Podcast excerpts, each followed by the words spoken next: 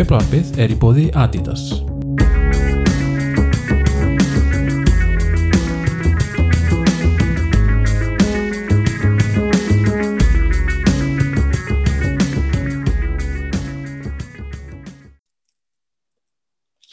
Velkomin í 87. þáttina til blóðarpinu. Ég heiti Maggi og með mér eru Þorstein Já, það er leys. og Daniel. Blessaðir. Frá því að við fell niður þáttur hjá okkur í síðustu viku en það kannski kom ekki að mikil sög en það var það er náttúrulega færinni bara eitt leikur sem er eitt svo leiðinlegasti bara síðan að sjónasútningar hófust en þetta var eins markalöst jættefli og þau gerast en Daniel, þú sást ólíkt okkur hérna, Þorstein, þá sástu svolítið úr leiknum en er einhvað jákvæmt sem getur tekið, tekið úr svona leik varnarleikurinn jafnvel eða, eða, eða hvað? Já, það er kannski einna helst varnarleikurinn og kannski líka bara að leikmenn fóru með hérna, fóru ekki með broti hjarta og brotin hugin í leikin eftir, eftir hérna eh, áfallið í miðri viku þegar við, ja, þeirri miðri viku þegar við hérna töpuðum fyrir Leipzig og þeir komu varkárinn í leikin eins og sitt í, þetta var bara veit ekki hvernig á að lýsa þessum leiki en svona öðru sem bara sem hrútleðlum fyrir bæði fyrir stuðningsmenn liðana begja og svo náttúrulega bara fyrir, fyrir hlutlösa að fylgjast með þessu. Að hérna Guardiola virtist einhvern veginn alveg að prættu við að tapa þessum leik og Solskjær, eða sitt í bara jafn prætt að tapa, tapa leiknum og, og Manchester United? Þannig að það er það er ekki frá neina að segja. Ríad Mares fekk ágættis færi í fyriráleik var settur í gegn en David Egea var fljótur á línu og, svo, og varði vel og, og í kjölfarið neldi De Bruyne yfir markið úr erfið, erfiðri stöðu, þannig að þetta var bara eins og segi þetta var á sko Van Gaal skalanum hefði þetta meira sem verið leiðilegasti leikur bara í manna minnum það er held ég bara ágætt, ágætt leið til þess að bara slúta umræðu um þennan, þennan rosalega grannaslag. Já, náttúrulega, það er kannski eitt líka þetta er náttúrulega einna mörgum heimaleikurum við vettur í deilt sem við vinnum ekki. Já, það er náttúrulega Við, við, erum sko, við, við, erum á, við, erum, við erum á toppnum. Ef, ef við værum bara að spila útileiki þá erum við erum með hvað, sigur, hvað, við vinnaðum alla. Já, vinnast, hvað er ekki, sex leikir? Já, já, eitthvað svo leiðist Það er fullkomlega glórlust Þetta, þetta er fullkomlega glórlust nýjambil en, en talandu um útileik Sheffield United hann Haldur okkar var hérna á skýslu í þeim leikan við fengum að sjá Dín Henderson gegn sinu gömlu fjölugur og þetta var svona þetta var svona byrjaði ekki vel. Þetta, það er ofta að segja það að það er stíli byrj, byrjum að því að heimlega gefa mark og ég veit ekki svona hvora verri í hérna hvort að hvora þau hérna eða keppast um þann titil hvora verri hérna í, í þessu marki hérna Maguire og Henderson. Ég verða að setja það á Henderson. Maguire bara þrjusa þessi í burtu sko. Það, það eru mín tvö sett í það, það mál sko. Já, er ekki, við erum alltaf að sjá markmenn hérna sóla að taka bóltan og svona leika á menn og svo koma við í leik. Er þetta svona kannski það gerist þegar það tekst ekki? Já, 100% og það líka hérna kannski bara pínu að lesa í aðstæður að það er, það er svo oft sem að sérstaklega markmenn liðana virðast einhvern veginn þurfa að fylgja leiðbeiningum bara þráðbengt af, af fjóriblaðinu að þú veist þeir bara verði að gefa 5-10 metra sendingu í staðan fyrir að lúðra bóltanu þegar hættan stæðir að það var hérna ágætis félag hérna, sem er Chelsea maður sem að hérna, tala um þetta með Thiago Silva að, að það eru mjög strángar leiðbynningar á Chelsea vördina að spila út úr, út úr öftustu línu en, en hann stundur bara les rétt í aðstæðunar og segir bara upp með lið og drullum boltanum í burt og það er kannski bara ágætt að, að markmenn úrvarsdeildaliðana fari bara að tilenga sér þann hugsunarátt líka í staðan fyrir að halda þér síðan allir síðan. En ég- er líka þokkalur í að dundra honum fram. Hann er, var hann með ísokki assistanum út vestan. Akkurat. En eða kannski eitt sem er kannski, hérna, kannski eina ástæðan við kannski er ekki alveg til algjörlega að- að fría hérna Maguire, Maguire náttúrulega er fyrirlegin hérna, hann sendir boltin tilbaka og og svo greinlega verið Henderson ekki hafa hugmyndum að sjá koma maður í hann, að maður hugsa kannski ætti fyrirlegin hérna annarkvæmt A, bara gefa boltan upp öllin í, eða, eða, og, eða í það minnsta við erum það að tala um ég, ég bara, ég veit bara, þú veist, miður haldur bara, en ég bara, ég hef bara óbúslega lítið álit á Maguire sem fyrirlega, ég bara, ég skil, bara ég, ég skil ekki eða hann sé besti kandidatin í United fyrir í, þetta hlutverk. Þegar bara ég átta mikið alveg á þessu. Nei, þetta er, hann er Það maður sem er poppar upp í hugan á manni fyrir utan hann er maður sem er búin að vera einn af stiðstílin og það er Bruno en ég veit ekki hver annar mögulega Ég meina, er, er ekki Brúna bara búin að vera hvað hálfu ári skemur, eða fjórum Jú. skemur heldur en Jú, heldur en, heldur en hann er Maguire og, og er, bara, er bara miklu meiri fyrirlið hann, Maguire er mest í því að vera með eitthvað tala svona eftir leiki en hann er svona, hann, veitur eftir á típan sko, já, ég held að, held að málið sé að sko, jafnvel þó að óleikunar sólsjær fyndist að vera málið að, að skipta um fyrirliða aftur og þá, þá feng, hann mikið meira mótlæti og, og, og hérna ljótari umsagnur um sig held ég heldur ef hann myndi bara halda triðinni við Harry Maguire. Að sem sagt rótera fyrirliða aftur hálfu ári setna ég, eða eitthvað. það, það er bara aldrei að fara að gerast þannig að segja að fara breytum fyrirlega sko. Það- ég, ég, ég sé það ég sé ekki. að bara ekki gerast nema úst, fara úr brott sko sem er heldur ekki að fara að gerast í náinni framtíð.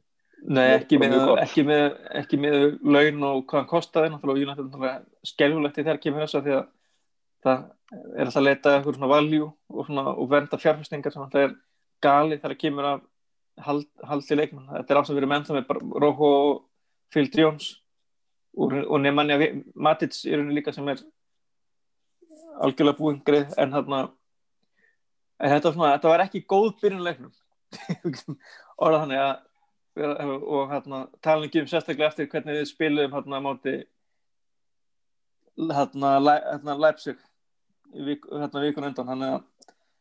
En sem var samt eiginlega bara með gali leikplan í þessum leik að veist, það skilaði marki reyndar en það var þessi háa pressa og verður með svona háa línu sem á endanum kom bara í baki að eins og erstu öruglega koma inn á núna.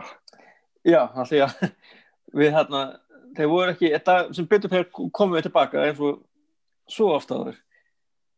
Og hérna og nokkur hérna laglega mörg en ég venn bara að tala um sko þriðamarki hjá United í þessum leik bara spurning bara til ykkar bara kannski gefa þeir bara tóðstæð, kannski byrja. Er þetta besta skindasók sem við séum frá United eða er það bara ég? Þetta er allavega einn besta svona í langan tíma en svona þegar maður rýnir í hana þá, þá er mikið að tilviljunum í henni. Hann er alltaf grín út hana, hann hefði aldrei sendt held í boltan hana, þegar hann er dundraður niður og hann fyrir hana áfram á, hvað var það ekki Rashford þegar Bruno sendir á Martial þá tekur Martial eiginlega bara daldið þungt tötts á boltan sem verður af sendingu á sem klára síðan en þetta, þetta leit ríkalega vel út sko það er ekki að tekið af því Nei, og líka að skora mörg og hérna sem, sem er alltaf gaman að sjá að hann er náttúrulega búin að eiga þvílikt tímbil utavallar og hérna við erum bara ennum svolítið búin að ganga undir innanvallar en þetta var alveg solid solid hvernig hann klárar þetta líka. Þetta er bara, þetta er bara, þetta er svo örugt þetta er bara eins og bara, maður horfa á þetta þetta er nánast eins og þetta hafi verið algjörlega planað gegn. Þó þetta náttúrulega hafi vissulega verið þarna háð nokkur tölum eins og maður flestar svona bestu skyndisögnar eru. Já, til dæmis eins og hérna að móti lýts kannski ekki beint tilvíðum við basically vorum hefnir að boltin var farin út af vellinum en það skiptir ekki neina máli.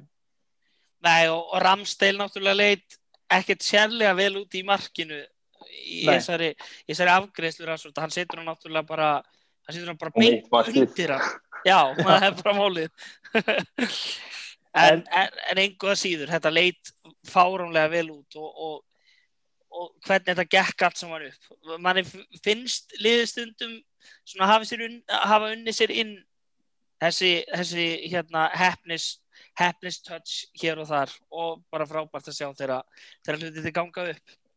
En, en svo hérna minka hérna heimamennir minka munin hérna og ég get ekki ímyndað mér að kenna neinum öðrum en hendur svona það mark ég er búin að horfa þetta þrísar fjórusunum og þetta, er hræðilegt mark til að fá sig Já, Alltaf, e- e- Þetta er líka hræðilegt upp á það að gera að ef við tökum lítsleikin síðan síðan sáþandan leikurinn var sem var þú veist, 29. november held ég þá við fengum marka okkur hónspinnu þar.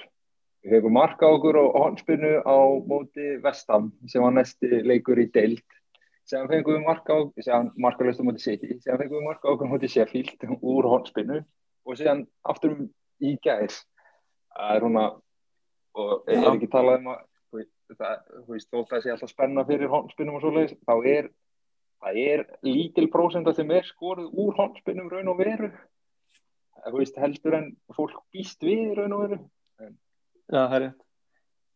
Sérstaklega mjög það er bara sem víti basically að fá hónspinnu en það verðist vera eins og að fá víti á móti United að fá hónspinnu já, það það er er þessi alveg, dagirinn sko alveg að- satt.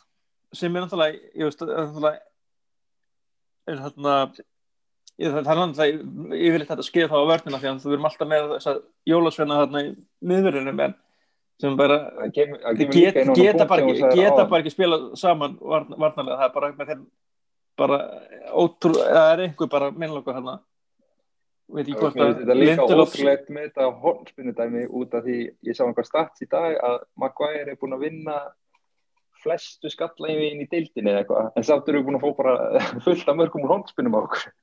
Já, Já. kannski, kannski væri búin að fá okkur fleiri eða, eða hvað er hann að vinna þessar skallabóta ekki er það í þegar við fáum hann.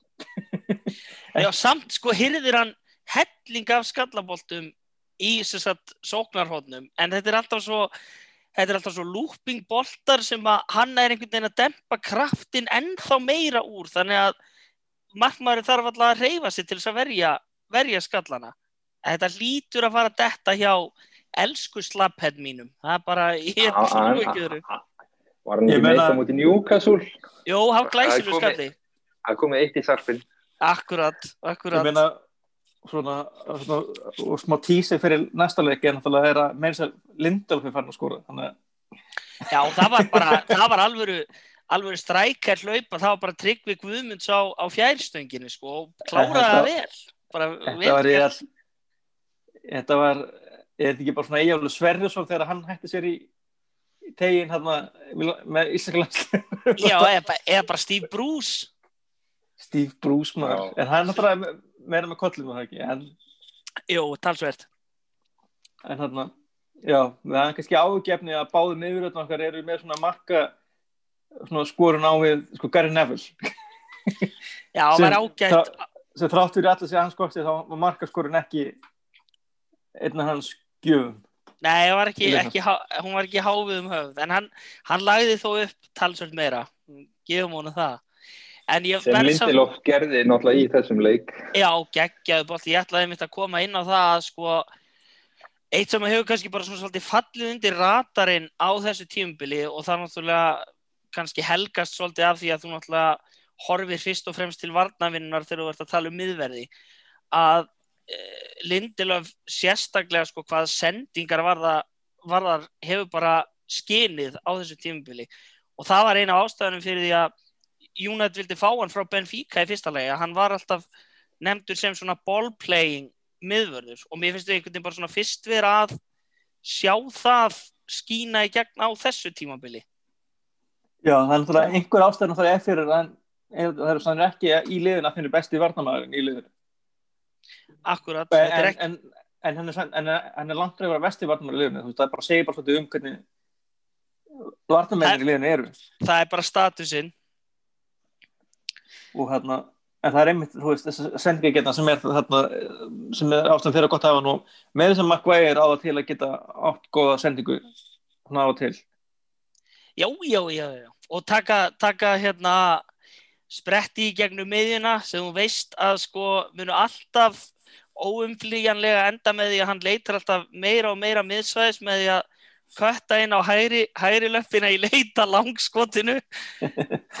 Hérna, og það er svo sem gengi einu sinni upp á móti stórliði Tranmere Rovers en uh, hérna, Guðmó þetta hvenar, hvenar næsta að flengja boltanum upp í samskiptin við, hérna, það er að, maður veit aldrei hann, spilaði náttúrulega eins og hann að háum 2018 með ennska landslinu í þryggjamanna kerfinu, þá var hann lengst í vinstri í því kerfi. Hann að hann er Já. kannski vanari að vera vinstri miðvörður svona Já. vist yfir. Akkurat, var hann, var hann ekki líka það hjá Lester var hann ekki vinstra megin? Jú, yfirleitt. Skoraði jöfnumarka mót okkur einu sinni, helvískur. Já. En það var náttúrulega í, í þessum leik það sem draf leikin fyrir Sheffield var eiginlega að Jack Elga kom inn á. Jú, já, fyrir í Sand, undirstu Sander Bergi Já, út af veist, hann kemur inn á og leikplanið hjá Sheffield er að reyna að pressa hátt og loka á spilið og loka þannig séð að við fáum á skyndisóknina að veist, að reyna að loka á það sem fyrst. Sem er svona ákveðið það er annarkvort það eða líka langt tilbaka út af þá getur ykkur engi skyndisókn á þig og það var Jack Elga aftastan og þá kom Bassmann hvað heitir hann? Já, heitir hann ekki Bassmann í vörninni upp á miðina já, Basham, hann, Bassján, já. Hann var, mér varst hann þegar hann kom upp á miðin og Jack Jelga var enn slagari með að vera hann að veist, fá rakettunar á sig hann að innfyrir já, náttúrulega veit, veit ekki gott. Það er alveg svo leiðis og það náttúrulega gerðist þegar Rashford skoraði eftir þessa sendingu frá Lindelöf að hann, hann fann allt í hennu bara hefur voru búin að ógna nokkru sinnum þessum, þessum löngu stungusendingum Já. og, og voru ekki búin að ná tímasetja rángstöður já, voru, voru ekki búin að tímasetja hlaupin alveg nógu vel en þarna, þarna gekk það bara og Rashford kláraði það færi mjög vel. Þó, þó að það hefur verið fyrir eitthvað svona miðsvæðis á marki líka þá var það alltaf bara svo ógeðslega fast og boltinn fer bara í svona hann fer bara í falli, hann boga bara yfir Ramsteil sko hann var líka á svona skrýtnu tempo var, var ekki, hann tók um út honum og boltinu var alltaf skoppaði áður Þetta en hann var- skaut. Þetta var náttúrulega fárlega góð þetta var bara rópaslega vel gert fyrir Rashford, móttakum að geggi og slúktir náttúrulega var þetta var mjög örugt og ég, menn, ég, ég hérna, var einmitt, tók- var einmitt að, svona, til að hitta upp fyrir þennan þátt okkar var að fara yfir svona highlights úr leikjunum sem við fjallum um. En tók sérstaklega eftir þetta ég hugsa aldrei, akkur var þetta ekki? Ég hugsa bara, vá, þetta er vel gert hjá Rashford já, það var bara allt, allt gert á, á hraða og bara þetta var snart og þetta leit bara ógeðslega vel út. Og hann Auðvitað- gerði ekki það sem að hefur verið vandamál hjá tók mjög mikið eftir að maður til Leipzig hérna úti var að, að hann er svona of lengi á hvað hann er að gera. Hann er svona aðeins of lengi um boltan og svo endar hann kannski eftir að skjóta en svo gefur hann frá þú veist, þannig að hann er svona veit ekki alltaf hvað hann það gera þegar hann fær boltan en í þessum leik þá algjörlega vissi hann hvað hann ætlaði að gera. Já, hann einhvern veginn flakkar á milli þess. Ég mani mitt eftir bara í upphafi síðast tímpils að þá kom svona nokkuð svipuð staða bara í opnunarleiknum á móti Chelsea þegar að, þegar að við skoruðum þarna tvö bara á tveimu mínutum fyrst skoraði Martial eftir fyrirgjöf frá Andreas Pereira besta mínum. Og hérna svo bara mínútur setna chippaði Pogba inn fyrir á Rashford sem var með að spila kveta á, hælum sér og hann bara touch, bang, mark. Það er einhvern veginn þegar hann þarf að gera hlutina svona þá er hann bestur, finnst mér. Já, það er ná- hann var náttúrulega bara bestur í þessum leik. Já, að það er þessi vandamæli er þegar hann þarf að bera upp boltan og gera þá eitthvað með hefur hann of mikið tíma til að hugsa og, og, og, við veist aðeins of hugsa hlutina. Já en mér finnst þetta einhvern veginn skiptunum fækka þar sem að þetta er vandamáli, þú veist eins og þegar maður talar oft um að, að leikmaður sem slapp í gegn kannski bara við, við miðurhingin að hann hafi haft, of mikinn tíma til þess að ákveða hvað hann ætla að gera við boltan, en mér, mér finnst Rashford bara að vera að færast nær og nær í hænuskrifum að vera ruthless fyrir framannmarkið og tölfræðin stiður það alveg. Já, til þessi gæður var hann hrikalega flottur þegar hann fekk þessar einn og einn stöður sko og skildan yfirleitt lýtsar hann eftir í reiknum sko. Já, algjörlega Er það og hann eiginlega einn af, þú veist, einn af þessu ég hugsaði eftir leikin, þú veist, í leik þar sem við hefum getað skorað 100 mörg, sko að fannst mér Rashford vera svo sem að átti hvað mest skilið að skora af þessu skoruð ekki, sko. Það er líka við hann að sé fyllt leik að náttúrulega næst besti maðurinn að mér fannst í þeim leik í okkar leik var Pogba sem átti hann að hann átti assist sem fekk hann reyndar ekki skráða á sig en og séðan startaði hann náttúrulega skyndisókninni sem verður markur. Já,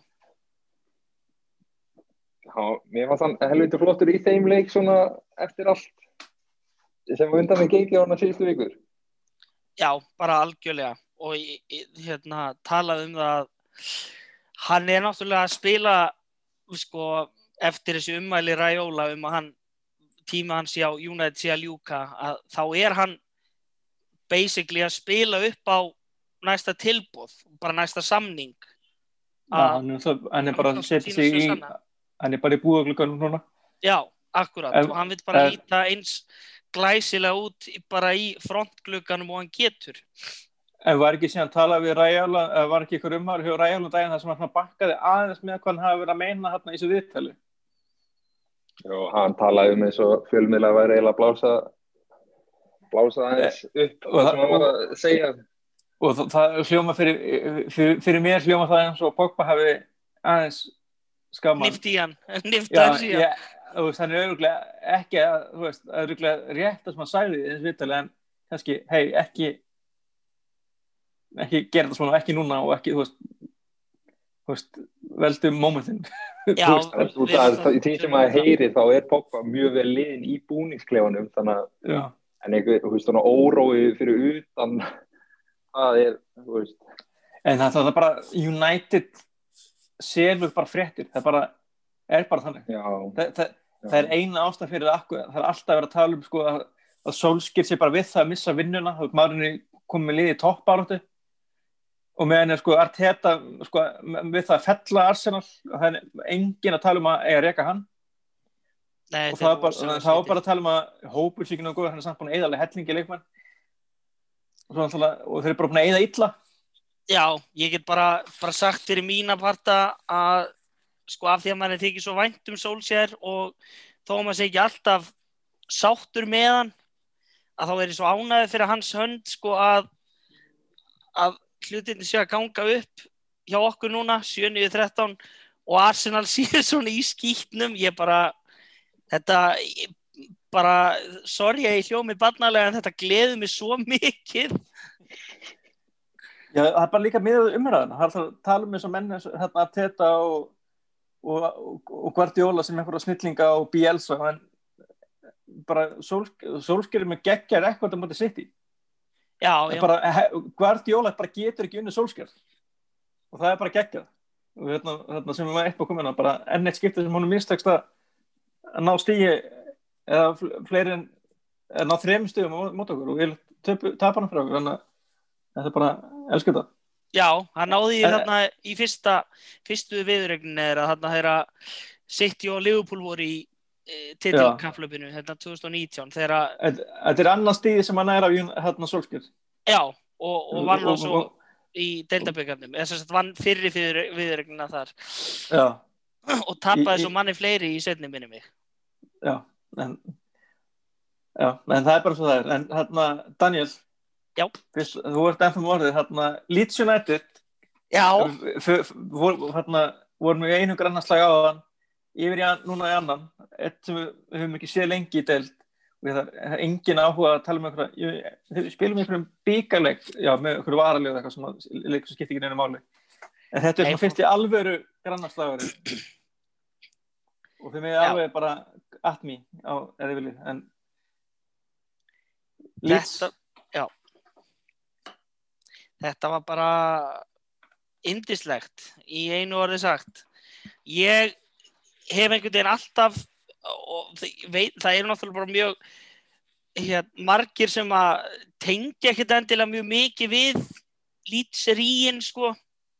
Ég hef alltaf hatað lýts bara, fra, bara frá því að ég var bara, bara pínu, pínu lítill polli og var að fylgjast með þessu með pappa að þá var, voru þetta leiki sem að pappa langaði alltaf svo mikið að vinna sem fellow United maður eða sem sagt Manchester United maður að þá bara einhvern veginn elst ég upp við það að þól ekki lít og ég sko ég kveiði þessum leikjum alltaf svo mikið þegar ég var lítill.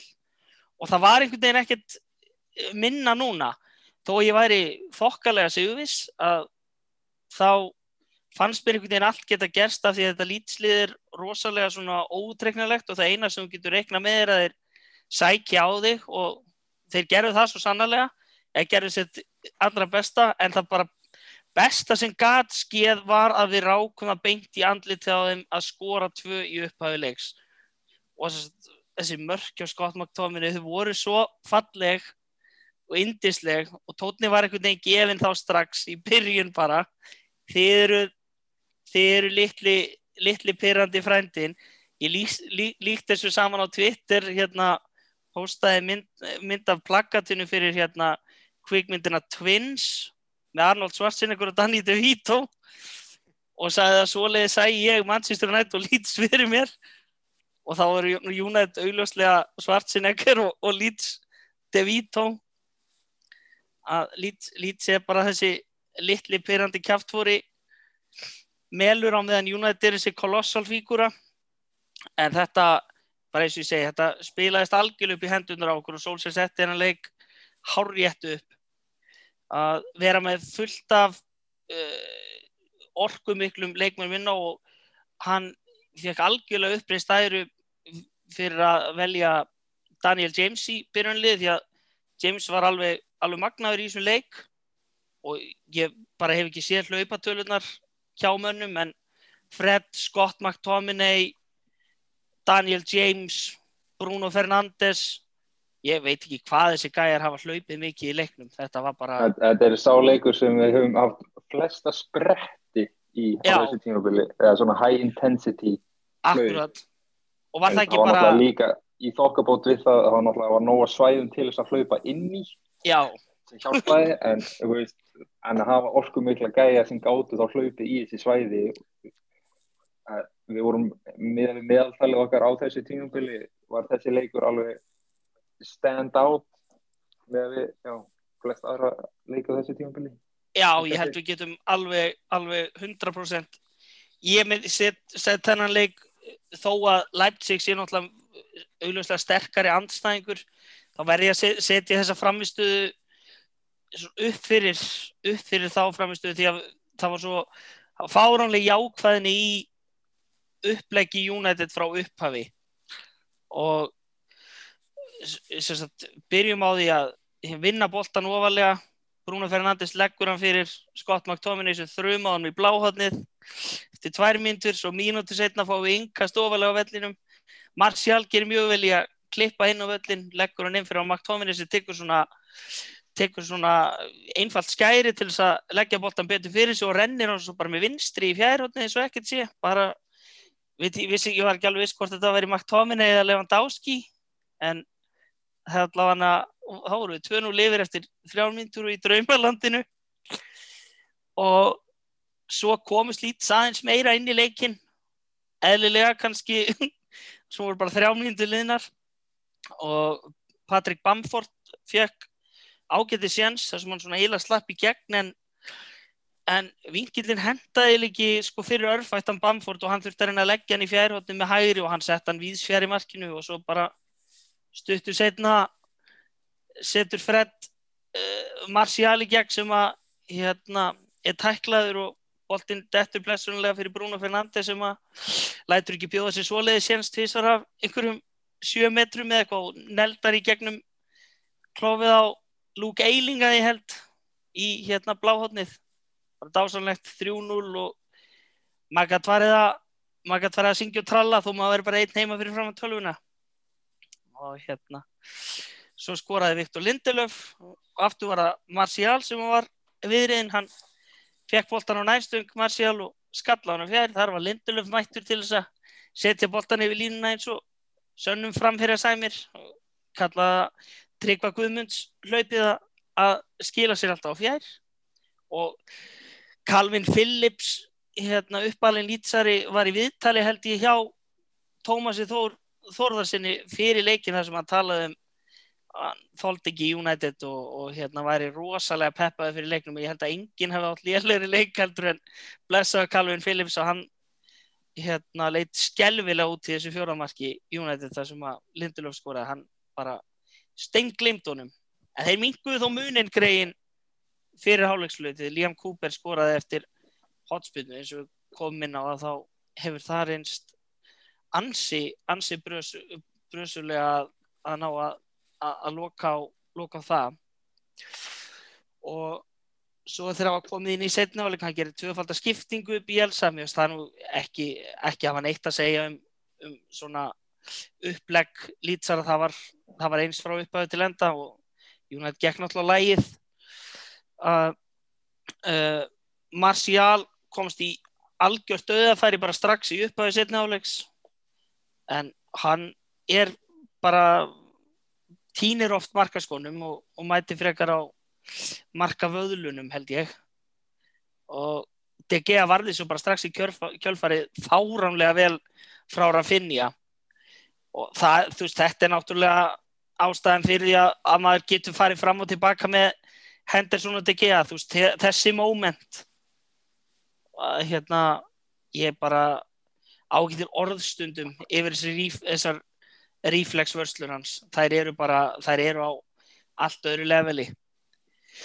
En svo tók síðan eða McTominay sprett upp allan völlin þar sem hann leik út á vinstri kantinu og köttaði svo inn og gaf fasta sendingu á Daniel James sem hann áði að taka frábæla á móti boltanum og skildi vardamann eftir í reik og kloppaði mestlýjar í marki lýts með, með vinstri. Ég, ég, ég sagði við sjálfa mig þegar hann var að fara að taka skoti bara til hvers til hvers ekki að taka annað tötts til þess að reyna að kvötta yfir á hægri en neini, hann bara lúðraði sér gegnum klófið á hann og svo nokkrum, nokkrum myndu setna þá braut Pascal Struísk uh, á uh, Marcial og Anthony Taylor gaf sér nú smá tíma til þess að hugsa um hvort það væri vítið ekki en, en bentur svo á punktinn og hefði óumflíjanlega gerðist. Bruno Fernandes skoraði. Og hérna svo um, fylgdi bara einhver fáránleg atbyrðar á sí kjölfari því að United gat sko á svona síðustu tíu myndu leiksins, þeir fengu á sig mark þarna á uh, 73 myndu eitthvað en bara svona frá með 80 myndu þá hefði United getið skora svona 5-6 mörg þetta var bara fáránlegt. Það var gjörsamlega fáránlegt. Og svo klúður að Jack Harrison. það fær í 10-5 já, bara ef, ef, ekki, ef ekki stærra sko. Það er bara, bara staðrindin og Jack Harrison hérna í blálókin hérna þegar tvei lýtsar að letu stigu yfir boltan og hann setta svo fram hjá. Það var ótrúlegt. Já. en þetta er svona já, þetta er svona summeringin á leiknum og það bara var, það var ekkert kannski erfitt en, en kannski ósangjant að velja bara eitt sem mann leiksins en það er eiginlega ekki hægt að líta fram hjá Scott McTominay hann var út um allt og skilaði bóltanum vel frá sér raut upp sóknir og, og var að taka box to box hlaup sem var bara, veist, það var bara ógeðslega sexy, það var bara það var kínesk að horfa á þetta hlaup þegar hann fær boltan í setnamarkinu En þarna, eitt, eitt, eitt punktir þarna með, með, með Scott McTominay er að hann, hann og Bruno skora báðið tvö mörg í svo mann fannst eitthvað með Scott McTominay í báðum sínum mörgum þurftur hún að gera meira. Já. Heldur en Bruno, Bruno færa þarna boltan bara dettur út af fyrir hann og hann bara setur hann og svo náttúrulega tekur hann að að setja viti núna í hægra hótti af því að markma, hérna, hefur takkað vinstramenn og markmaðurinn var að búið sér því neina þá sendur hann bara til hægri. Það er þessi, þessi vítans eru svo dásaleg þegar að þeir eru gangu upp. Þegar að gáku sem er sem gera yfirleitt. ný, sem gera svona 99% tilfella. Akkurat. En bara makt tómin fyrra markið var sjúkt. Og, og setna markið fyrra markið var svona skólsesk. Og, og setna markið var 100% þetta svona myndi pinglutur svona rauð kína mútið Juventus eða eitthvað áleika svona, bara svona jakslaðist eitthvað með þetta og bara og setta hann bara. Og svona það var náttúrulega þetta, þetta fyrra mark þú veist það er alveg búið, maður er búið svo glimpsis af þessu. Hjá, en hann skoraði eitthvað í fyrra á mútið Arsenal svona, það sett hann upp í skeitin og og skor hann laglega mútið City.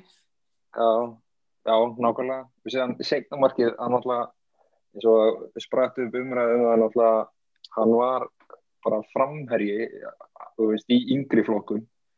Að, veist, þessi taktar að taka hann að step overið og taka hann, já, svona, færa hann yfir á vinstri fótinn og það er ekkert, Fred hefði ekki verið í þessu held ég, sko, þegar hann væri komin einn í gegn.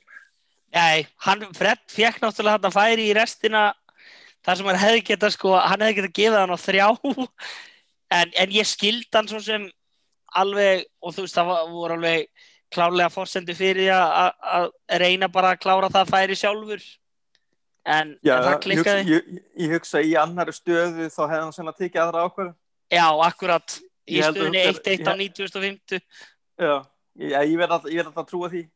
Já, en, en, samt hef, maður hefur samt ekki með tilfengunni fyrir, sko, eins og hann þú sem kom inn á, þetta hefur frett þarna eins og færi að eitthvað með fyrst, finnst manni að hann hefði, sko, skærða sjálfans í, í hnút og, já. Það er eftir málið. Þetta en þetta sem betur fyrir bara eh, var bara þannig stað að, að menn gátu gátu leift sér að reyna. Og það var nú kannski svona svolítið raunin í restina en það stoppaði United ekkert í því að að skapa urmul urmul tækifæra. Nei, ég, ég held að enginn hefði búist við því að að Solskjær hefði verið búin að kortleggja Bielsa svona svakalega. En algjörlega vissi hvað hann ætlaði að gera og hvað, hvað þetta gera til að vinna og þau gerði bara nákvæmlega og gekk allu þessi fyrri hálfleikunum þá var hann það bara briljant það er bara Já. masterclass í skyndisöfnum akkurat. Bara, bara indislegt og eins og ég segi, ég bara ég er svo fegin að, að Twitterið mitt sé ekki uppfullt af einhverju, þú veist United kent knattspinnu leksíu af Marcelo Bielsa eftir, þú veist fjögur þrjú tap eða eitthvað á móti þessu, móti þessu lýtsliði en það var náttúrulega fáránlegt sko, og ég heyrði það að það hefði líka verið þannig á Sky Sports, ég horfði á leikin með hérna, lýsingu frá NBC og umtalið var bara basically eins og lýtsar að væri að vinna þennan leik með svona sjömörkum og þeir væru bara gjörsamlega að spila United bara, al, bara út af vellinum. Þetta var fáránlegt. Já, hvernig var svo mikil í kringum lýts en United var einhvern veginn ekki að fá neitt umtal fyrir að vera búin að setja sex mörg Nei, þetta er náttúrulega, þetta sýnir bara hvað umræðan um Jöndi er bara búin að vera hún er bara búin að vera rugg við bara segja bara alveg við erum talað um, hún hefur verið með þriðasætti deildinni við hefum leikinn, ef við vinnum hann þá erum við tveim stumma eftir Liverpool. Og við erum bara me meira sér að fara að spila við liðið fyrir ofan okkur. Já, verður, þetta verður náttúrulega rosalega aðteglisverð viðregn á öðrum degi jóla, jóla á móti Lester. við erum, við erum bara í topp áratu en samt er, menn, er alltaf að tala um sko, að Solskjaer sé bara alltaf við það að vera reikin þetta er bara þetta er bara, þetta er, þetta er mikið kæftæði Það er Já. orðin svona svo litaður að þessu að þessi Sheffield leikur var þá var þetta svona öllum ræðan þeir eru ekki búin að vinna leikur og þá var maður bara við erum að fara að tapa einhverju stíu núna. Já, sem þú veist Leeds þótt ef maður skoða rekordi hjá Leeds á þessu tímabili jú, þetta er þokkalegt fyrir nýliða en umfjöllunin er þú veist, þeir eru búin að tapa fjögur eitt á móti Crystal Palace. Já, uh, og þú veist til dæmis uh, sko, fúlam hann í byrjun fjögur þrjú þegar fúlam sko gatt ekkert. Arsenal vann á þá sko. Og akkurat. og eina ástæð fyrir Já. afstæðan fyrir ofan fúlra meira að selja vann þann já, sem er mjög fyndin pæling Það það eru svona tveir leikir á tímambilin sem eru búin að vera alveg bara helviti góður hjá Leeds þeir hana, rulluður Aston Villa 3-0 þegar Aston Villa var komið úr hana 7-2 leiknum og síðan unnuðu Newcastle 5-2 í síðustum að En þetta er, Svona- þetta er bara, þetta er bara svo, þetta er svo galið að því að uh, umræðan er svo líka fyrir sólsker er bara svo ósöngjöld alltaf þegar við liða á svona leiki þá er alltaf leikmennin að rettunum eða eitthvað en ef við töpum þá er því að hann þá, en öll töpin er honum að kenna en, en, en fara aldrei neitt kredit fyrir að vinna leiki en, en töpin er alltaf honum að kenna. Já, þetta er algjörlega að þér virðist það bara er svo- er svolítið erfitt að vinna ef þú fær aldrei kredit fyrir það actually að vinna. Akkurat. Ég held bara að, að sko, ég, það jákvæða er að Solskjaer er ekki karakter eins og Mourinho til dæmis sem að tekur þessa umræðu þú veist, inn á sig og, og reynir að fara í stríð við fjölmiðla eða, eða einhverja sko eða aðdáðandur. Hann hann bara meira adressar þetta bara rólega og er, er ekkert að láta þetta einhvern veginn hafa áhrif á sig. En þarna þá er ekki umræðan eitt af sem, einu sem mér þetta er að, að pressan þarna og, fólk hérna úti finnist hann bara ekki veist, hafa átt að skila að þetta starf og er kannski umræðan kannski að lita svolítið af því?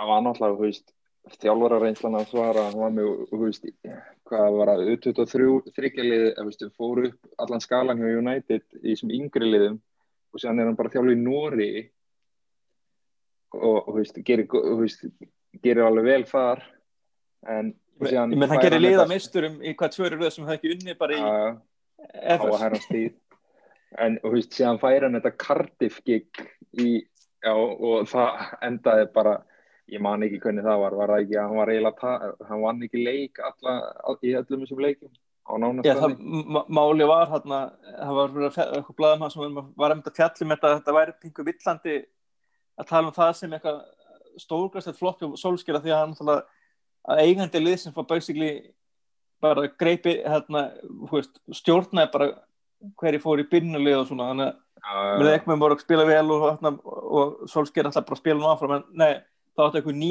eitthvað sem að eitthvað svona hafi verið kiftur eða eitthvað fengin eða eitthvað átti að byrja inn út af einhverju kæftaði, Já. þannig að þetta var hann, þetta var bara dauðadæmt hann átti aldrei, fekk aldrei heiðanlega þetta- sjens þar. Já, þetta var, veist, þetta var hans sjens að fá Premier League tækifæri. En sem hann færa náttúrulega, það er alveg rökrétt að hann hafi fengið þetta, veist, þetta átti náttúrulega bara að vera að hann átti að stýra liðinu fram á sumar en sem náttúrulega var byrjunin eins og hún var undir stjórnatíð hans. Þetta, þetta var, síðan- menn gleyma þess að hvað liðið byrjaði, hvað voru frábær í svo marga leiki í röð. Mögulega sko umræðan af hverju hún er svona er út af því, veist, auðvitað kom síðan dífa eftir það, en hversu svona dífa, svo dífa fór djúft finnst mér allána eftir það þá lítast þetta svo mikið að þetta sé alltaf upp og niður, upp og niður.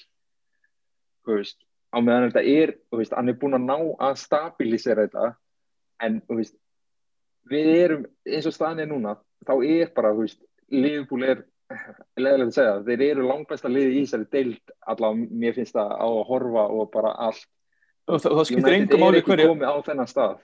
Nei, og líka það sem Það var- gerir Liverpool svo hættulega er að það skiptir engum máli hvað, hvað leikminn vantar Liverpool? Þeir eru búin að vera án Van Dijk, þeir eru búin að vera án Alisson. Þeir samt vinna bara alltaf leiki. Já, þeir eru og umræðin í fyrra, og umræðin í fyrra var að, veist Já, umræðin í fyrra hjá þeim var að þeir mistu aldrei neina leikmenni í meðsli en hvað myndi gerast þegar það gerist? En er það ekki að snúna og það skiptir bara nákvæmlega engu.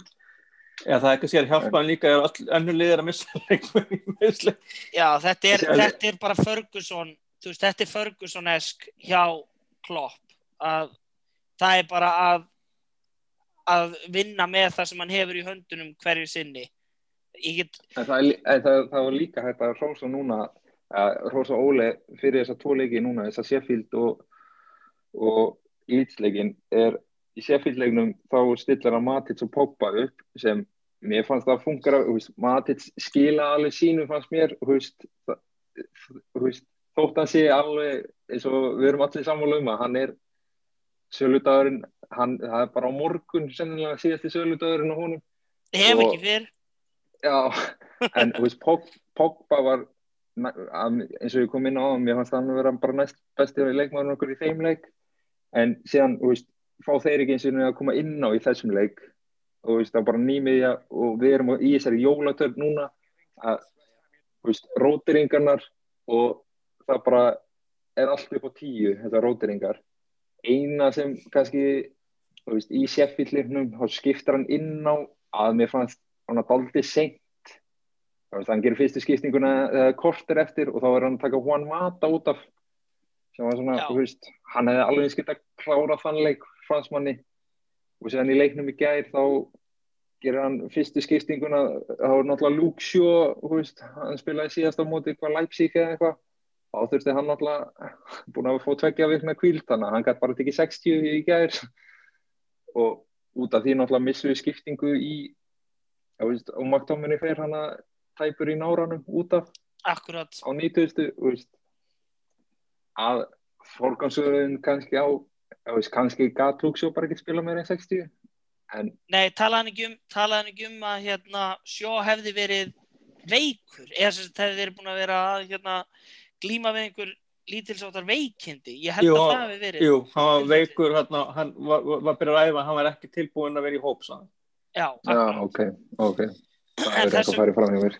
en þess vegna segi ég sko varandi þennan Everton leik núna í miðri viku í deildabíkjum bara spilaðu bara á þú veist, mér er sama þú þurfur að sækja einhvern í sko undir sjö ára liðið. Bara mér, þú veist, það er svo margi sem nefna sko, þú veist, þetta er byggar sem er í bóði og bla bla bla en Guardiola er að fara að spila á sterkasta liðinu sínu alla leið sko. Hann er bara, þú veist, ha- hann, það er enginn sem elskar ennska deildabíkari meira endur en Pep Guardiola og bara allt í hann virðir þann titil. Hann, hann virðir þann titil. Það er nefnilega málið. Að Einu hérna, til sem er á sensi. já, nákvæmlega. Leifa honum bara, leifa honum bara að fá hann þú veist, bara já, Já, allt blessa ég- ég skil sjónamiðið en þú veist bara, Í þessari klikkuðu törn, hann var bara gal, Já. það hefði verið galið að gera eitthvað annað, en, en svo býst maður alveg við því að sjá, veist, mað, ég er að skoða einhver líkleg byrjunarlið og ég, þú veist, með þau líklegu byrjunarlið þá er ég bara hrættur að við séum að fara að lenda í einhverju ströggli með þú veist, það er lítið um að vera kvíla leikmenn í þeim uppstillingum sem ég er að sjá. Já, akkurat. Já, en, en, maður, en þú veist, þú er aldrei að marka það, Nei, svona pælingar, en- en... minna, við erum það lendið bara sjálfur með einhver pæling og svo kemur eitthvað, bara fann maður hún að byrja leiki, ekki, ekki bara spila leiki í halvt ára eitthvað, og svo hann bara Já, já, já. byrjuleið og þú veist, maður veit aldrei Nei, ég einmitt. bara, þe- þú veist, kemur null óvart að sjá, Maguire hann er mjög líka að fara að spila um leik sem er spurning- sko. Já, ég hann er búin að spila, hann er búin að spila alla leiki í United 2020 Twanseb er hlýtur að vera í hann er langt, hann er búin að spila enginn spila fleiri fótballtaleiki í 2020 en Harry Maguire. Það var komið í dag, hann er búin að spila held ég spila alla leiki í þá- ekki United fleiri mínúndur nei, hann er, eftir, hann er búin að spila alla leiki og ekki tvær út af, hann er búin að spila bara Já, 90 já. mínútur. Hann spila bara, held, sé bara, held að sé búin að spila alla leiki í United Já. 2020 já, Sem er- er er- er galinn tölfræði. Já. Á meðslalista eru bara sérst, af miðvörðum eru bara Jones og Rocco sem að þú veist, þú reikna hvort þið er aldrei með þannig nei, að þú veist, og, þú getur bara alltaf tek, tekið þá þarna út fyrir, fyrir svega sko. og, Þannig ef það væri ekki fyrir þess að meðslalista þá væri, maður búin að gleyma þessum leikmannum þannig að það er kannski ágætt að þessi meðslalista séu til það er nefnilega máli að þú bara svona gleymið því stundum að það sé til sko. en, En- Je- eins og Jesse Lingard, hann er ekki mittur hann er bara, já, bara- og þú veist bara hann- Og Og er hlýtur að fá sensin á morgun Já. og líka eins og meina, og er- en- Mensa og Williams þetta eru gæðir sem Sko- þú veist, eiga að spila leikin á morgun. Akkurat, ak ég- Ma sko, Matic þú veist, að hann sé búin að fá veist, fá spiltíma hér og þar þá hefur hann ekki verið að fá, þú veist svona, hérna back to back leiki, þannig að þú veist, það er bara í fínulegi, það bara heldur síðan er ég líka, síðan var maður að horfa á þetta fær Ódjó Migalo þennan leik eða verður Cavani frammi út af því að Cavani, Ódjó Migalo er náttúrulega bara fari í næsta mánuði. Já, einmitt, hvort að reyna að trekja Cavani eitthvað betur í gang.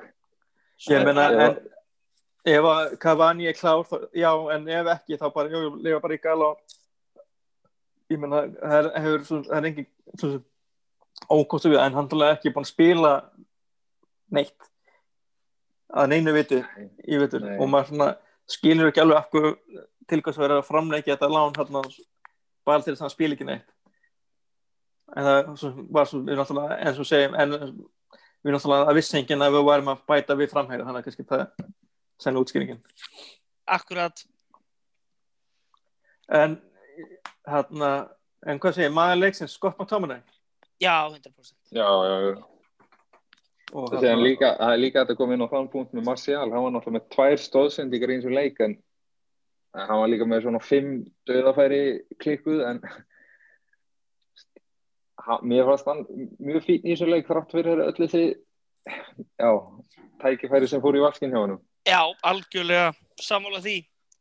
Það En, væri, eh, umtalið væri kannski öðruvísi ef, að, ef hann hefði ekki náða að leggja upp, er, en, en Rashford náttúrulega Rashford náttúrulega laði ekki upp eða, eða skoraði en, en manni fannst Rashford samt frábæri leikum þannig að það væri kannski ósangjant að að, þú veist, segja það sama um Martial. Nei, ef hann hefði ekki gert neitt. en, það hefði samt eiginlega þurft mark svona upp á ég held að hann var bara eiginlega ekki að skora í þessu leik bara út á sjálfströðstu er ekkert búið að vera í bókn undanfærið svo var hann eitt væri það sem þú veist, maður, hversu oft hefur maður séð hann bara setja hann alveg út í hliðanetti þá fór það einhver bara eiginlega beint á en, en, en, en þannig að Akkurat, þetta er kannski mjög ósengand einmitt út, út af því að náttúrulega þannig svona hjálpaði upp, upp og svona búa til færi í þessum leikjum. En en er þetta ekki samt eitthvað svona alvöru umræða þú veist það kemur að þú veist framtíðar framhjara fyrir þetta lið getum við verið í því að vera með framhjara sem skora stundum það er náttúrulega með marga, marga þeirra að þá er þetta tarnir en hann er bara ekki náttúrulegur markaskorari þú, sé, þú veist, hann skorar ekki þessi skrappi mörg og þú veist, hann er ekki tilbúin að nefnbrotna fyrir mark. Þú veist, ég er ekki að nefnbrjótaði kannski- til þess að skora en þú veist, hann er ekki tilbúin að fórna lífi og lifum til þess að koma boltanum yfir línuna nógu oft. Hann, hann, er svona, mei, hann, er svona, hann- hann er meiri svona Henry típa heldur en kannski Van Persie til dæmis. Hann er eiginlega meiri Viltor típa heldur en Henry típa. Ég held að það sé kannski Ú. bara gegn, þe- þetta er A plus reference fyrir þá sem vita. E- þetta er mér, líður eins og Obi-Wan Kenobi í Star Wars, þetta er ég ekki heyrt lengi. En þarna jú, en þarna Donny Van de Beek er ekki að spila og þarna hann er bara að koma inn á fyrir Bruno í þessum tveim leikjum bara til þess að Bruno fóði kvíldina sko já, En ég minna, en er, er þetta ekki lægi fyrst við erum að vinna leiki? þú veist? Þetta er, er þetta ekki sem er allt, ef við erum að tapa þessu leikjum, af hverju ekki vandi bík að spila, eins og það myndi eitthvað, breyta einhverju sem að geti vel, vel skert skilur en, en er ekki yeah. þannig bara, jú, við erum að vinna þá náttúrulega eh, líta öll svona þannig mál jú, lí, lí, líka bara veist, það er bara veist, munurinn er bara svo mikill á því líka að sko, gæðin hrinni ekki þú veist, gæðin hrinni ekkert sko þannig að maður sé bara Guð minn góður, við erum bara lélegasta lið í heimi þegar Bruno er ekki inn á þó að þú veist, gæðin vissulega geti virkað hann þegar Bruno Fernandes spilar ekki en þú veist, þegar að Vandeby kemur inn á fyrir hann í leikjum þar sem að við erum kannski bara að sigla stegunum heim eða sigla sigurunum heima þá þá horfum maður ekki til þess bara já, Bruno fór út á Vandeby kom inn á og þú veist, við byrjum að sökka. Vandeby Já, er þetta- það góður í fótbolta að þú veist að hann getur getur haldið hlutunum gangandi. Hann er, það er nefnilega hann er nefnilega svona þrjusu fýtt niðurmaður sem að já, og, og bara Getur hann, og- ma- maður held að, veist, þegar við vorum að fá hann og við værum að fara að fá, veist, mér fannst hann alltaf að vera að spila eiginlega bara áttu hann hjá Ajax, en, veist, hjá okkur þá fær hann eiginlega ekki að spila nema, að þannig sé tíu stöðu eða, þú veist, frammelikandi miðjumann, hann, hann fær aldrei að vera einn af þessum tveim, það er eins og, kannski er hann ekkert bara sá, mér finnst hann vera átta frekar en einhver tíja, Ég, mér þætti hann vera flottur þú veist, hann og McTominay eða eitthvað þú veist, já, 100% pröf, líka bara sem, það en kannski veit það, það, það, það var náttúrulega drauma svona arja miðja náttúrulega fyrir suma. Ljósærustu menn í liðinu þarna á er Hitler strömmurinn. já, ég held að enginn hef búist við að, að, að, að það kemur referens í Hitler í þessum þetta en þetta sýnir er bara að að Þetta maður getur planað í og sett en, en, en, en hlutin geta alltaf komið óvart en hann en kannski til að setja bara hnútin á þessu umræði er að við erum bara svolítið sammálu um að McTominay hafi verið maður sem þó að aðrir hafi verið, hafi verið að spila mjög vel. Er svona er, svona, liði var að spila vel eina sem Já. er hægt að setja út á skilur með veist, vörnin. Með, eða, veist, við hefðum náttúrulega geta easily fengið fleiri mörk á okkur í þessum leik. Það er kannski svona já, eða, veist, mér leið þegar ótt að við vorum konin hann í 3-0 þá var ég bara að býða eftir að Leeds myndi skora og væri svona myndi einhvern veginn herri á okkur en þú veist. En er, er það ekki líka bara því að maður er búin að sjá svo marga leiki hjá þeim sko, þegar þeir eru að tapa sem er kannski fjögur, þrjú eða þrjú, tvö er að, er að þeir reyna alltaf og skora alltaf. Já, en sem er náttúrulega, þú veist þannig að mér, að við gæðum og það er náttúrulega er það það er alveg, alveg punktur að hérna, en ef að sko, ég, maður hefði náttúrulega orðið lafrættur ef við hefum komist í 2-0 og lítsaði minkamunni þá. Já, þá er mögulega, en, en samt var þetta þannig og af því að Bielsa er svona hérna mál, hann er engin málamiðlari hvað taktísk, taktíkina varðar. Þeir voru alltaf að fara að spila eins allan tíman sama hvað gekk á, nema náttúrulega þeir hef, sem að verið- okkur mjög vel því að við vorum svo algjörlega. nákvæmlega hvað að gera og þau voru ekki farið í eitthvað plan B sem var bara enda betra frá enda algjörlega. skor, enda skorum við sex mörg í leiknum við bara gengum bara algjörlega læg já, já, já, já, og bara eins og ég segi hefði geta verið svo miklu stærra miklu, miklu stærra miklu En meira alltaf talandi um McTominay að þarna að þá er hann eins og aðri leikmenn nokkur aðri leikmenn í United, hann spilar í Adidas og við minnum náttúrulega á að það er þetta nálgast Adidas-vörur á adidas.is, já á útherri.is ef þeir eru Reykjavík og ég er því hafnað fyrir þá er það músik og sport þannig að endilega kíkið og efasteinar þar eða og ef við treystið ykkur þarna, þá getið þið mætt í veslun með grímu að sjálfsögðu en við hvetjum, hvetjum ykkur til að nota netið eða En nokkur það- United leikmenn náttúrulega í Adidas skóm algjörlega meðal, það er meðal McTominay hann er svona, hann er svona Adidas leikmaður hann þess er er, hann er Adidas leikmenn mánaðarins allan Adidas leikmaður umferðarinnar. Já, það er sko, 100% við sko sjá til að það, þó sé bara tíu dagar eftir að mánun þá er samt eitthvað 70 leikir eftir að já, en en þarna, en þú kannski förum hérna leikjum er búin að taka mikið pláss náttúrulega alltaf gaman að tala um leiki þegar við vinnum leiki þó að sé líka oft hreinsandi að tala um töpinn og þá er, er þetta skemmtilega að hörum að vinna leiki en svona fyrir kannski yfir hérna kvennalið er á toppnu núna í kvennaboltarum og með, tvei, með hvað 60 að fórustu og, og reyndar á Chelsea liðið sko möguleika á náðum að stígum en það er eiga það er eiga tvo leiki inni en hérna, þetta er búin að vera deildin hérna er búin að vera mjög solid. Þetta er hérna það voru, þetta var leðilegt leið, tap á þetta Everton í byggarnum en, en örugur útisögur á móti Aston Villa og svo aftur á móti Redding 2-1 svona, svona baráttu sigur og svo algjörð bara rótburst. Þær skoruðu líka 6 mörg já, og mér fengur marki færra á sig Já, þannig að markmann þeirra var að standa sér betur heldur en DG okkar. Eða, eða verðin þeirra eftir hvernig við viljum skrifa það á en frábært að sjá sjá þetta lið náttúrulega Casey Stoney þjálfur náttúrulega rosalega mikið í þessu því að það er búin að vera svakilega rótering á leikmannum við erum búin að Jú, jú, við erum búin að fá leikmenn hérna inn fyrir tímbil, frábæra leikmenn eins og Tobin Heath.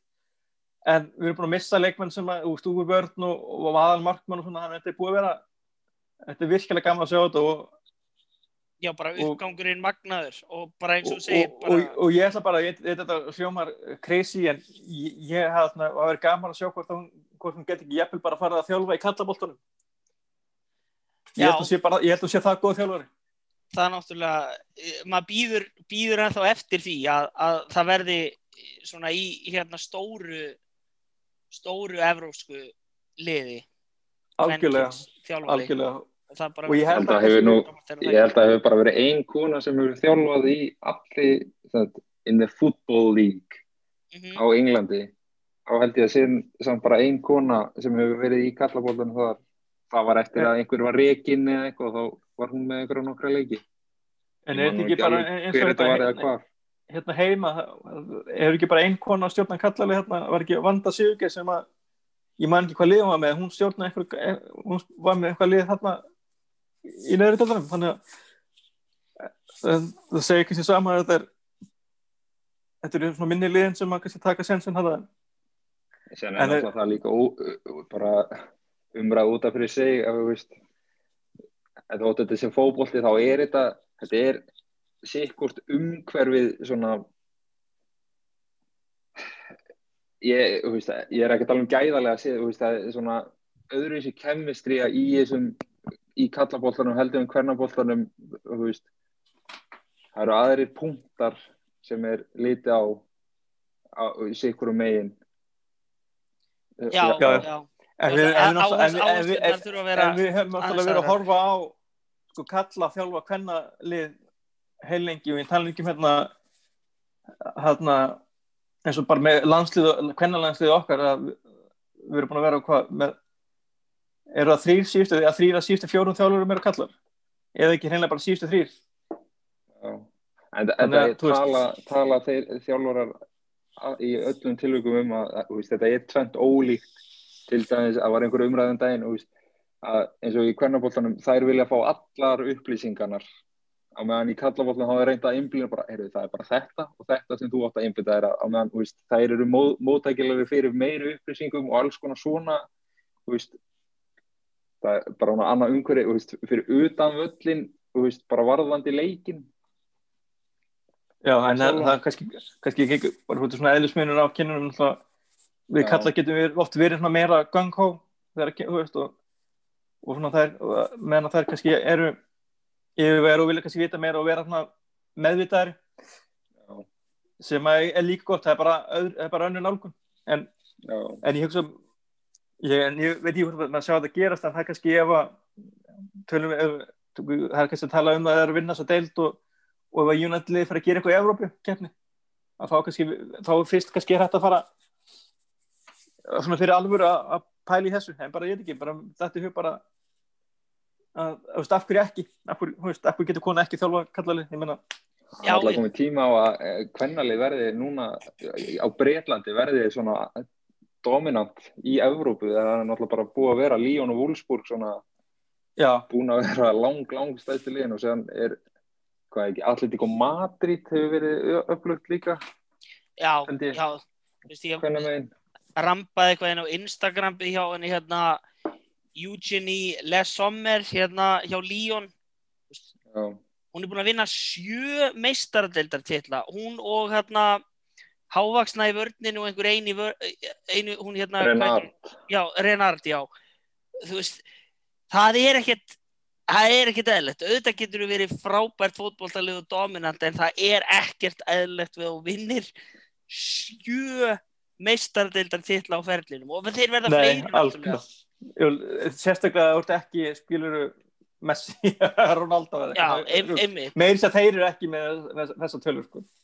Ég er held að Ronaldo sem er fjóra Og við fimm, Nei, Líón Ronaldo með náttúrulega fjóra ég held sem er fimm var hann ekki bara þrjá með real Nei, hann, hann þrípítaði og var búinn að vinna einn áður árið 2014 og Já, svo náttúrulega já. 2008 með United. Já, það er rétt, það er rétt. Mér finnst þess að það væri bara þessi þrýr hérna. Já, það er ágætt líka. En, en, en, en, en, en svo- og sér það, sko, leikmann er búin að spila með tveimur liðum, Manchester United og Real Madrid og mun vinna fimm, en meðan er Leon að vinna, hvað marga, þú veist, að það segir bara um, veist, þetta er bara fákeppni, ekkert annað. það er náttúrulega líka En- Líón en það lagast, Líón hefur náttúrulega Real Madrid var eina lið sem vann mörg, að það var, muni ekki hvað það var, það var alltaf bara, Real Madrid bara langt flestu sigrana í þessari keppni og það er með eftir að þeir tóku þess að törn þarna með Zidane og það, en en náttúrulega, en meðan að við höfum bara, við, höfum bara segja hvernig boltin hérna heima, þú veist, hvernig hérna heima er að það er bara breiði eflik og valur og eitthvað og, og svo bara vin, vinna, eða kannski aðeins slæðast núna en það var alltaf mörg ár, það var alltaf breiði eflik og valur að keppast og unnöld hinlegin svona 10-0 Þú Já. veist, þannig að en þetta er náttúrulega bara líka með þetta Leon-mótilið, það er, þú veist, þá fer bara ákveðin prósenta af tekjum liðsins, hvort sem það er þessi kalla kvenna, þá er bara allt apparati, þá fer það í kvennaliði sem er þá sennilega góð summa, prósentan hlýtur nú að hækka með við árangur og líka umfjöllum Já. sem, veist, kvennaboltin er bara ört vaksandi núna að, veist, að önnu lið líta, veist, United náttúrulega risa lið og þannig sé kannski ekkert skrítið uppgangurinn hjá liðinu þótt að það komi náttúrulega dálítið óvart að þessi siti í efsta sæti á fyrsta tímabili í efstu dild en veist að lið já, seti meira púður í, í kvennaliðin hjá sér það er eins og að búið að Rapino tala um þú veist, það væri eiginlega skammalegt að United hafi nú bara verið að byrja með liðið sitt hvað fyrir, í fyrra eða fyrir tveim árum eða hvernig sem það var. Já, þannig séð. Þetta er náttúrulega bara En það Er það- og það það er náttúrulega, það er þetta var náttúrulega business okkur. Það var bara núna, það er bara, þú veist, það var núna, bara greinilega, það að sé það að það var, veist, það var komin tímpunktur til að stökkva á þetta og það væri, hérna, markast tækifæri og, og það er heldur betur að reynast og, og jú, það er náttúrulega, svo, náttúrulega, við komum, við höfum komið inn á þetta áður, náttúrulega, mjög, jú, það er rétt, við náttúrulega, tölum um það náttúrulega mörg ára þessari síðu lið, hvernig lið var stopnað eða, eða endur var ekki rétt að sagt að að við, við vildum sjá hvernig lið og við, við tölum um það í mörg ár þannig að ég held bara nánast frá að við byrjum þessa síðu þannig að við erum hérna, ég sammála því en kannski óþarfa kannski að drulla yfir lið eftir að, þú veist, þegar, þegar það verður ekki rétt að Rapino, hún, þetta var ekki mjög pent hjá henni, sko, hvernig hún fór að þessu, en, þú veist, þetta er alveg valið punktur, að þetta var helviti hart hjá henni, þetta var alltaf svona já, og þetta og, og, já, maður fannst það bara, bara óþarfi. Já, þú veist, það er með en, en náttúrulega við, við verðum þá, við verðum líka þannig í heimi núna að við verðum bara, þú veist, að hlutir og fólk og svona veist, það þarf að vera einhverja leið tilbaka, skilur, ef fólk breytir rétt, þú veist það er ekki Já. endalust, það, við, við getum ekki endalust refsa, en þannig að sjálfsögðu eru tilfelli og atvik sem að eru ólík en, í- en í- eins í þessu tilfelli að það er náttúrulega algjör bara út úr hægt að vera endalust að refsa, þú veist, United fyrir að ekki verið með hvernig þegar er hún með hvernig sem er verið að leggja mikið í og er mikið metnar og er að gera vel. Þannig að kannski já, bara ein, einblina það en kannski getum tekið það umræða setna þeir bara einhverja glóriur þar. En, en eins og staðir núna þá bara þá er allt bara mjög góð málum þarna. Þó svo kannski ekki mikið fórast en það er náttúrulega mjög gaman að sjá sjá þessa stöðu og, og það er ekki endilega gefið að tjálsýli vinni leikin sem, sem þær eiga inni en það hefur verið spennandi og við náttúrulega heldum áfram að fylgjast með og, og, hérna, og ræða þegar þegar hérna í vetur. Þannig en svo var dreigið hérna þannig það var dreigið í 32 lögslit í Európa-deltinu og, og við fáum menna aftur spænslið Já, okkur hefum ekkert riðið feitum hest í útstáttakefni gegn spænskum liðum en, en mér líst bara ágætlega á það. Mér líst fínt að við séum ekki að mæta einhverju drastliði. Þú veist, það er bara, bara fínt að, að, fá alvöru, alvöru anstæðing. Eru þeir efstir eða eru þeir í öðru sæti í augnablikinu? Já, það er nú aðeins að dala þeir eru búin að tapa, hérna voru hérna toppum heil að þetta er komin eitthvað tveir leikir. Já, þeir eru í Eru- þriða sæti. Já, já, ég held, já, ég held það. Já, þú veist, það er bara... Er östir, já. Bara, ef, kannski, já, ekkert kannski, ekkert, Nei, og líka, og líka ef það maður maður vill vera jákvæður kannski, já, þú veist, ef maður þetta mæta einhverja reali þá er það ekki held, frekar svo sett heldur en, jú, heldur en Madrid. Já, svo sem búin að láta mig dreyma um Madridalið, sko, í útstöðakefni meistaradildarinn, ég hrættist, hrættist það ekki, ekki neitt, sko, það er bara verið fínt ef við, höfum bara unnið okkar riðil eða eitthvað og algjörlega. gegn þeim, en, en hérna, en úr því sem komið er að, hérna, við erum í Evropadeildinni, að ég er nú ekki eitthvað fáránlega peppaður, að, hérna, Nei, og, og, og svo keppni, við, höfum, við erum búin að vinna þessi keppni núna einu já, og, en ég, ég segi kannski, ef maður hefði fengið að velja sér reali til að mæta, þá var kannski verið, verið Oviedo já, sennilega, allir það ekki. Þeir eru náttúrulega, hræðilegu rönnið sósið núna sko, þeir eru búin að fara átt að leiki án þess að vinna sko, sex af þeim voru jafntefli, Já, Já. og en, það en verður að næ- skriði eftir árum. en það er nægu tími náttúrulega, þetta er náttúrulega ekki fyrir, fyrir leikurinn er 8. februar þannig að við, Já. við erum náttúrulega að sjálfsög í hérna, mi- mikið nánar í þetta lið þegar það kemur á þeirri viðregnum með, Hörsku leikmannahóp þetta lið. já. Já. með hérna David Silva hérna og Jarsabal og hérna og svo náttúrulega góðvinn okkar Adnan Janusæ, verður gaman að hilsa upp á hann aftur að sjálfsög, að sjálfsög en, Og önnur en það- barnastjarna, hann Aleksandri Ísak sem átt að vera bara, hann átt Já. að vera Hólandin hjá Dortmund fyrir átt árum. að- átt að vera að að aðmaðurinn átti hann ekki að vera næst í slatan ég var ekki þannig, ég held að þetta bara- það er svo mikið, það svo mikið hugmyndaflug þegar kemur einhver að næst eitthvað þá veist að þú ert frá, frá sama landu einhver eða með sama húðlit og þá ertu með þá ertu svona garanterað að vera líkt við eitthvað sem er svona svipaðan já, Það er klippingu, jáfnvel. Já, eða, sem spila svona gróðlega sömu stöðu og þú. Já. þetta er galið dæmi. Þannig að þetta er svona þessna sem að, þessna sem að Scott McTominay líkt við Roy Keane og Michael Carrick en ekki Patrick Vieira.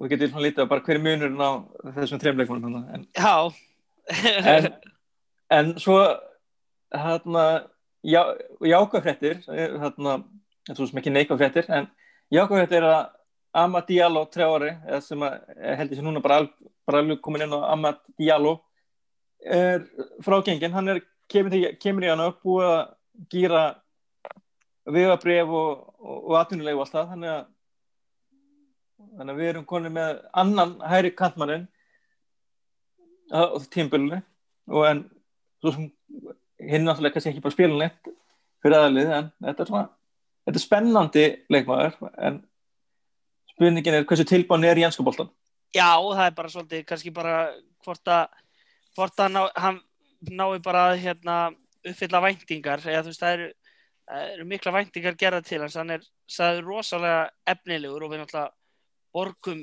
heiminn háa upphæð fyrir hann til þess að fá hann yfir, yfir til okkar. Þannig að vonandi bara gengur það upp og það er bara mjög spennandi. Það væri alveg, það væri bara æðislegt ef hann, ef hann kæmi inn á þessu tímbil, maður veit ekkert hvernig það verður og hérna næði bara að slá í gegn, næði bara svolítið að, taka ennskúrastildina hálstæki og, og, og gera hluti strax. eða, hreinlega að við, kannski fengjum, fengjum að sjá hérna Diallo og Pellistur Jeppul allan að fá að vera í hópi í þessum svo setja allir Já, væri bara er, það, er þetta ekki le- leikinu og svo Jeppul hérna FA byggarinn hérna, eða enski byggarinn hérna í janúar þegar við byrjum þá keppni, er það, er það ekki hérna Það er gluggi. Klárlega. er það ekki ákveðin gluggi fyrir veist, þessa leiknum til að sína sig aðeins og svona fá mínundur og svona 100% og það er kannski eina, eina kannski sem er hægt að finna að því að við lenda á móti Sociedad, að við hef, hefðum geta kannski fengið eitthvað aðeins aðeins slakara lið í hérna í fyrstu umferð útsláttakefnarinnar í Evropadeildinni að við hefum kannski bara lenda á móti Molde eða Maccabi Tel Aviv eða einhverju Wi-Fi passwordi þú veist að, að, að, þú veist þá hefði þessi gæjar geta fengið fengið nokkra mínútur en það er kannski eh, hérna erfiðara þegar þú þarft að mæta alvöru, alvöru anstæðingi en það er svo sem þú veist en, en, en það getum við ekki verið að horfa á það? dagurinn í dag er jafn góður og hver annar til þess að henda mönnum í tjúpulögina Já, algjörlega og svo náttúrulega en ef, ef, ef að United næra byggja svolítið á sér framist, þessum framistum núna í síðustu leikjum í deildinni að og ef við erum bara í kringum þú veist, toppin hérna eins og við erum búin, að vera, erum núna og þú veist, er það ekki kannski er, haldið þessi þá ekki meiri líkur að, að við sem kannski ekki endilega fara að setja fullt gas í eins og auka keppnir frekar en þú veist, hvað fórið ég við erum komin í hvað, 5-7 seti en en fer þetta ekki bara fyrir eftir stöðu hverju deildinni hvernig við leggjum förum í hennan fyrirleik hérna á mótið sósjáta Jó, allir það ekki. Jú. það er bara sennilega rétt hjá þér. Speg, endur speglast eða eina- spe- speglast að því. Eina svona það sem mér finnst með hennan þú veist, einhvern veginn bjóst ég við umræðan var út að hann var byrjar að fá leikjana hjá Atalanta uh, undir lókin og síðast tímafél og þú veist, hann væri kannski að komast inn í liði þar og veist, út að hann væri komin í United veist, væri hann búinn að spila meira fyrir Atalanta ef að hann væri ekki skilur seldur? Ég held að sé, ég var einmitt að hugsa um daginn að því hann var fekk að koma inn á því hann, hann, er bara með einn leik á þessu tímaféli fyrir afaliðið hjá Atalanta og var ekki, var að koma inn á sem varmar það ekki? Jú, jú, jú. Þannig að Nei, ég þessu meina hundra tilbúin er hann bara í fullorins fótbolla kannski yfir höfuð? Já, Já. akkurat. ekki en, endilega en, í það, en skúrastöldina það fer kannski bara líka bara hvernig eftir hvernig karakter hann er og hversu persónleika Erum við Og- ekki bara að tala um það með hann að hann sko sé að fara bara í rauninni, fyrst hann er komið með þetta atvinnu, atvinnuleifi að hann fari bara svolítið pelistri leiðina með hann, hann setja hann í varalið og, og sjáu hvernig, hvernig landið liggur áður en, en, en, en er það ekki samt þannig með leikmenn veist, með svona aðlega þeir þurfa að spila eitthvað ákveðið það ekki fyrir jú, veist, er ekki er það ekki tímabilinu, einhver- ég, jú. ég, ég að sé ekki ykkur er. skilir þannig ég veit, ég veit ekki hversu mikið við getum bara ekki notað hann sko en að samanskap er hann alltaf það ungur, hefur það, hefur það ekki eitthvað að segja líka? það er líka pæling sem þetta er því hug núna bara ástæðan af hverju við höfum kannski keift hann þarna er að náttúrulega reglunar er að breytast á Englandi núna eftir áramót. Mögulega hefðu við ekki geta keift hann þú veist eins og næsta sömar út af því að að það er að koma einhverja reglur.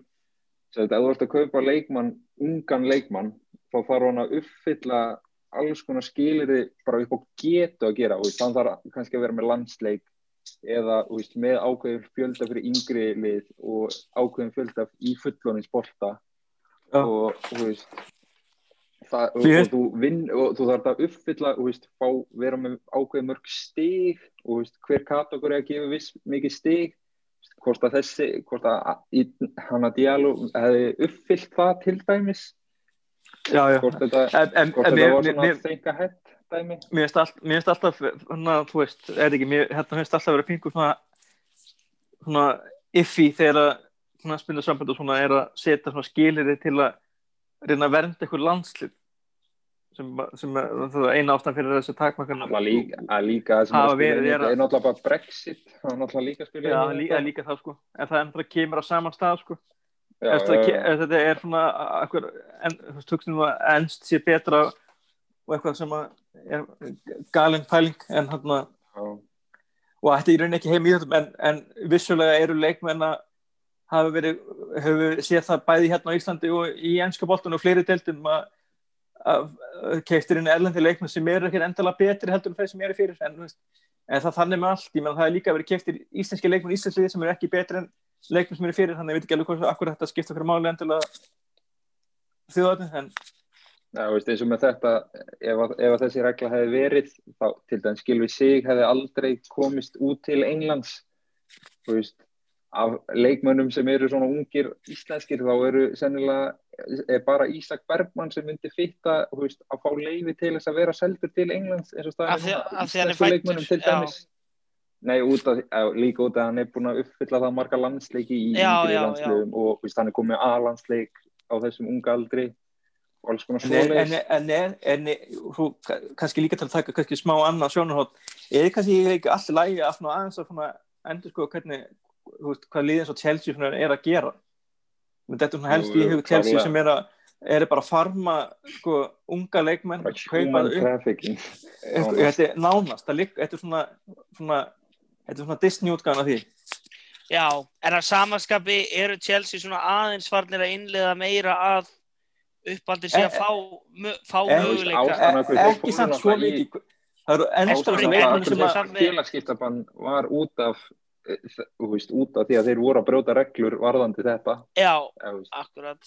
Þú veist, þeir og, það, og það, við, við veit ekki hversu margir leikmenn það eru hérna hjá Chelsea sem eru alltaf í útláðinu hafa ekki spilað mínúti fyrir Chelsea og munu að þú veist á endanum líklega aldrei spila mínúti fyrir Chelsea en Já, ég, þú veist, bara, bara svo svolítið Chelsea til varnar að það náttúrulega er, er, er Mason Mount og Tammy Abraham í byrjunarliðun og venjulega væri náttúrulega Rhys James það líka, sko, að þú veist, það ertu strax komið með þrjá uppalda sem eru að verða fastamenn í liðinu. Að, að sko, þú veist, að þú berða sama við Manchester City að þá ertu með hvað hann hérna Phil Foden inn og út úr liðinu en annars engan. Garcia, kannski hann að miðvörun Já, já, já. Þa, og, og þar, er það ekki þar með bara upptalið svona af gæfi sem að Já, Jú, og eh, það sem ger það, ger það enda mér fyndi er að sittir með, hvað, með dýrustu akademíuna á Englandi og hún er ekki að skila hún skilaði með einum leikmanni. Já, akkurat. Og hún Það er ekki betur það, það þegar það vantar eitthvað það er bara keift Það er nefnilega málið Þetta er, og, veist og, og það finna er að Phil Foden kemur inn í þeirri stuðu sem er, þeim er rauninni vantar ekki leikmann. Já, akkurat. Það er að þetta, er ákveð hana skemmtileg pæling. Ég meina allir uppbyrðu leikmann er að það er lungu færðin eitthvað annað. Eða það er bara hættir í fótbolta. Þetta er, þetta er aðteglisvert og maður öfundar sitt í að mörguleiti en, en þetta er svo sannarlega ekki ekki eitt af því sem ég öfundað öfundað af að hérna, það er engin menning fyrir því að, að, að blæða mönnum úr úlingastarfinu inn í, inn í byrjunlið nei nei náttúrulega þeir eru með einn úling sem ég er spenntu fyrir. Það er hann að svonu Rory de Lapp. Það er spennt að sjá hvernig fyrir til hans verður. Já, ma, ma, hann, er búinn ma, að, hann er búin að fá okkur einn eða tvo leiki í deildabökunum á þessu tímabili. Maður hefði nú haldið að hann hefði verið flottur í handbóltanum en engin menning fyrir handbólta því miður Nei, Frettlandi.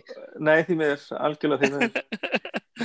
Það er ekki marga þjóðar sem að, er eins og bara Ísland sem að líta á þetta sem bara eitthvað það stærsta, eitthvað stærsta íþrætti heimi, ég held að við veit ekki hversu háttunir á blaði annars staðar.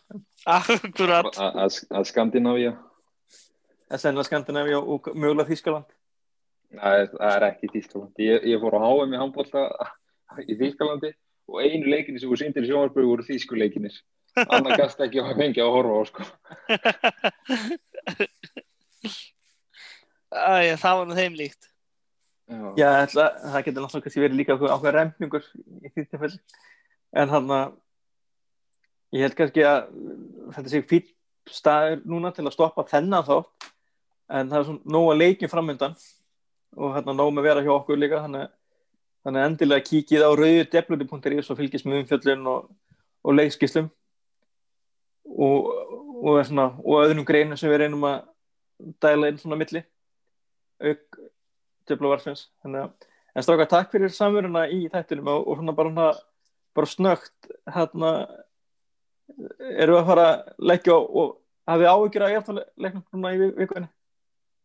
Gæti ekki verið meira sama Já, bara sama hér, bara spili ef það er áhyggjur þá er það upp á meðsl að gera en, Já. Já, ég, ég er alveg ég er alveg þar, mér er alveg gæti ekki meira saman sem gefni Já, þeir mættu, sp- mættu ekki- ekki- spila sko ekki að maður vil ekki vinna leikin en mér er skýt saman hóða töfum honum. Svo fram að við missum ekki leikmenn í eitthvað, rugl. Þeir mættu spila sko Van der Há í markinu og Quinton Fortune á vinstri kantinu mínu vegna. Mér væri og, og, alveg sama. og, og, og Luke Chatwick á kantinum Já, bara þú veist þessu einan gæðsalapa Legends liði þú sem er að mæta Bayern og Barcelona í einhverjum charity leikjum Jo- sumrin Jonathan Greening í, í tíunni og Clayton Blackmore á miðunni Já, akkurat, akkurat með Þa, Dennis þar, Irvin þar eru konum alveg lið. Þetta, og nú- þetta liðmyndin á þetta liðmyndin á í vítspilukefnum á Everton. Og allt í hennu lifnaði yfir Bjössa hérna í þessari umfjöldunum gamla góða leikmenn Þetta er bara fínt. Þetta þátturum er ekki lengri í þetta skipti.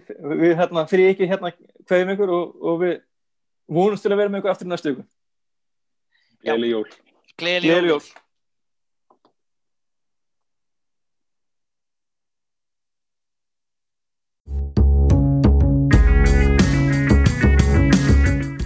Takk fyrir að hlusta á Djöflavarpið. Þið getur fundið frekari umfjöllun um Manchester United á rauðudjöflarnir.is.